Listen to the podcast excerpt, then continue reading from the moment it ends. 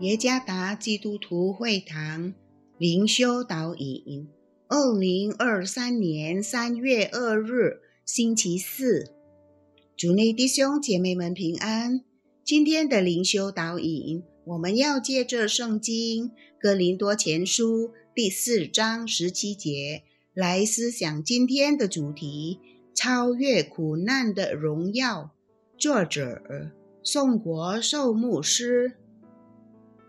格林多前书第四章十七节：我们这至战至轻的苦楚，要为我们成就极重无比、永远的荣耀。著名的传教士穆迪讲了一个女人的故事。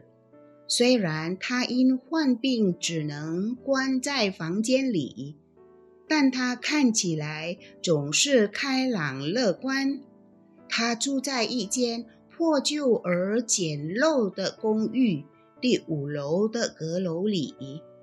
一位朋友想去拜访他，就邀请了他富有的朋友一起去。由于公寓里没有电梯，他俩开始爬楼梯。到了二楼。富有女士说：“多么黑暗且肮脏的地方！”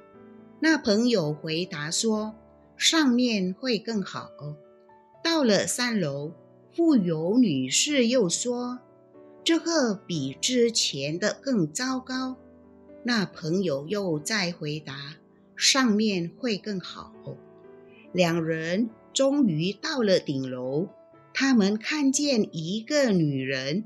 虽然躺在床上，脸上却充满了喜乐。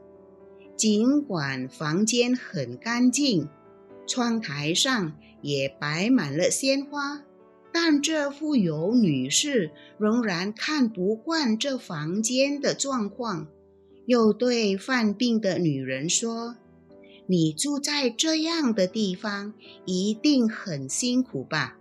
然而，这女人回答说：“上面会更好。”她不把目光放在世界暂时的事物上，而是将信心之眼朝向永恒。这就是她真正满足的秘诀。在使徒保罗身上，我们也看到同样的事情。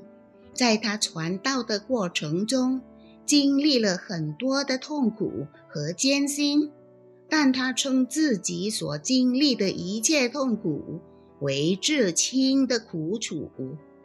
难道他所经历的真的是至亲的苦楚吗？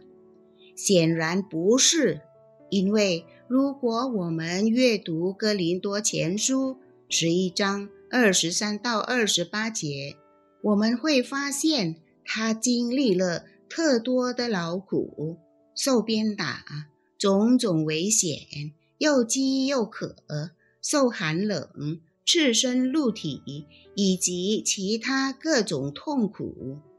但是他意识到有永恒的荣耀会为他预备，这帮助了他明白所有的苦难都算不得什么。因为极重无比、永远的荣耀，远远大于他必须经历的所有痛苦。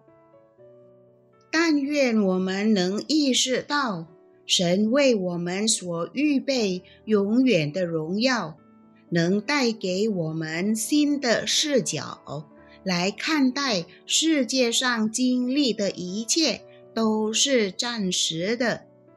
不管我们的处境多么糟糕，无论我们的情况多么艰难，请记住，上面会更好，甚至比我们想象的还要好。让这成为我们在跟随上帝的人生旅程中永远持守，甚至喜乐的帮助。天上永远的荣耀远超过世上一切暂时的苦难。主耶稣赐福。